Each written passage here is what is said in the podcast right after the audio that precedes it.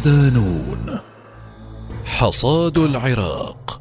ثلاثمائة وخمسة وستون يوما من الأزمات السياسية. مقال لفريق التحرير. ضمن ملف حصاد 2022 يطوي العراقيون عاما سياسيا بامتياز. بدأ بأزمة في أعقاب أول انتخابات مبكرة يشهدها العراق منذ عام 2003 وانتهت أشهره الأخيرة بانفراجة أسفرت عن تشكيل حكومة برئاسة محمد شياع السوداني. أمامها كثير من التحديات على المستوى الداخلي والخارجي وأخذت على عاتقها العديد من التعهدات لتفكيك تراكمات وتركات ثقيلة. تبدأ بإعادة ثقة الشارع بالعملية السياسية ولا تنتهي بتوفير الخدمات التي طالب بها العراقيون جميع الحكومات منذ عشرين عاما لكنها لم تتحقق. خلال عام كامل مر الصراع السياسي بمراحل عديدة بدءا بالانتخابات والاعتراض على نتائجها مرورا بتأويل وتفسير النصوص الدستورية وليس انتهاء بعرقلة انتخاب رئيس للجمهورية ورئيس للوزراء. ومن ثم احتجاجات الصدريين واعتصامهم داخل المنطقة الخضراء والتي خرجت على إثرها احتجاجات مضادة من قبل أتباع أحزاب الإطار التنسيقي. للأزمة السياسية هذا العام امتداد لتداعيات أحدثتها الانتخابات المبكرة في العاشر من أكتوبر تشرين الأول 2021 والتي جاءت نتائجها بعكس ما تريد القوى المهيمنة إذ أطاحت الانتخابات بعد الاحتجاجات بسلطان تلك القوى ومنذ ذلك الحين حاولت بشتى الطرق تغيير الموازين لصالحها وإعاقة استكمال الاستحقاقات المتمثلة في اختيار رؤساء البرلمان والجمهورية والوزراء. بقيت الأزمة السياسية وتصريحات التخوين واتهامات التزوير تلاحق الفائزين بالانتخابات المبكرة وعلى رأسها الكتلة الصدرية. حتى وجه زعيم التيار الصدري مقتدى الصدر نواب الكتلة الصدرية بتقديم استقالاتهم إلى البرلمان في خطوة فاجأت الخصوم والحلفاء. ليدخل رجل الدين البلاد والعملية السياسية برمتها في ارتباك وغموض كانا واضحين في المواقف الداعية إلى التراجع عن القرار والجلوس إلى طاولة الحوار لحل الأزمة حيث منح الصدر بذلك القرار المتسرع خصومه في الإطار التنسيقي الأغلبية وجعلهم الكتلة الأكبر داخل البيت التشريعي. لكن القرار المفاجئ جاء بعد شهور من التعطيل وعرقلة جهود الصدر في تشكيل الحكومة. ليعلن زعيم التيار تعليقه العمل السياسي في التاسع والعشرين من أغسطس آب احتجاجا على موقف خصومه وتعطيلهم لنتائج الانتخابات المبكرة.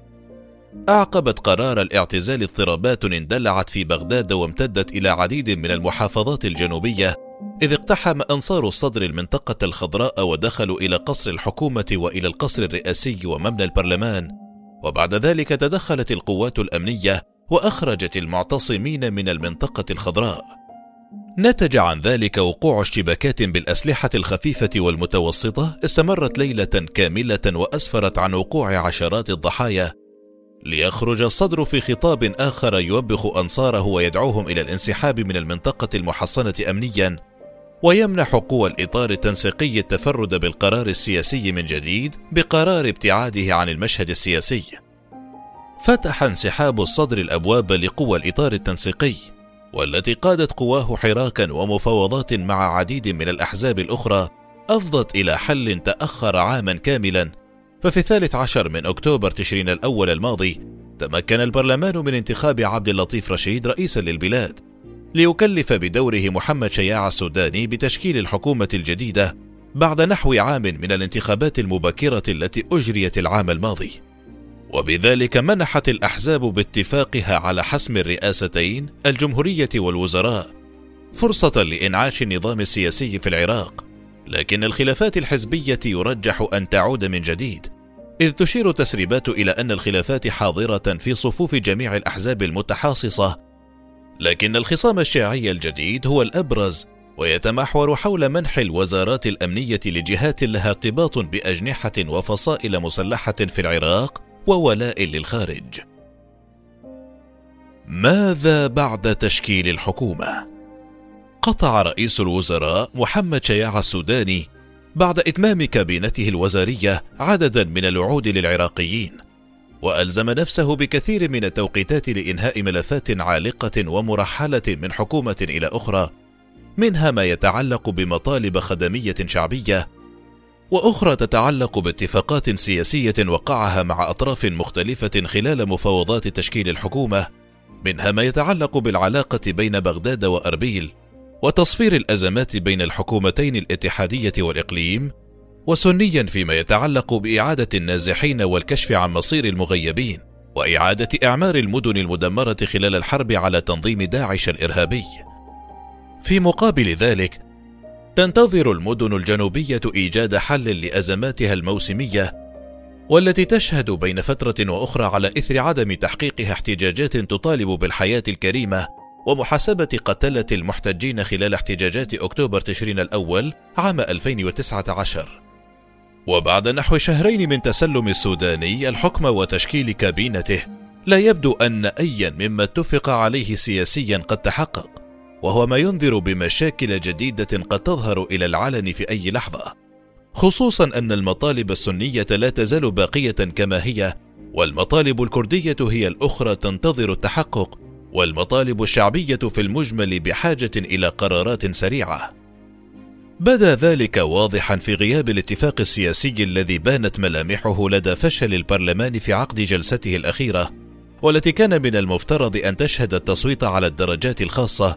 لكن الخلافات وغياب التوافق حال دون أن تعقد الجلسة التي كانت مقررة في السادس من ديسمبر كانون الأول 2022 ويتحدث كثير من النواب عن عودة الخلافات مرة أخرى إلى داخل البيت التشريعي ويجري ذلك بعيدا عن الصدريين الذين يراقبون المشهد من كثب من دون أي تصريح أو إشارة سياسية لزعيم التيار منذ قرار سحب أنصاره من البيت التشريعي.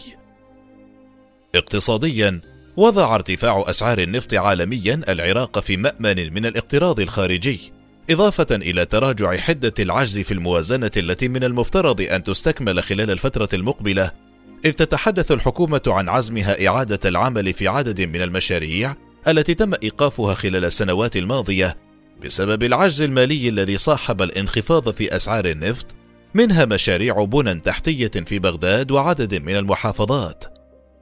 لم يسعف الانتعاش الذي يعيشه العراق بسبب ارتفاع أسعار النفط الدينار العراقي الذي يشهد تراجعا غير مسبوق أمام الدولار الأمريكي.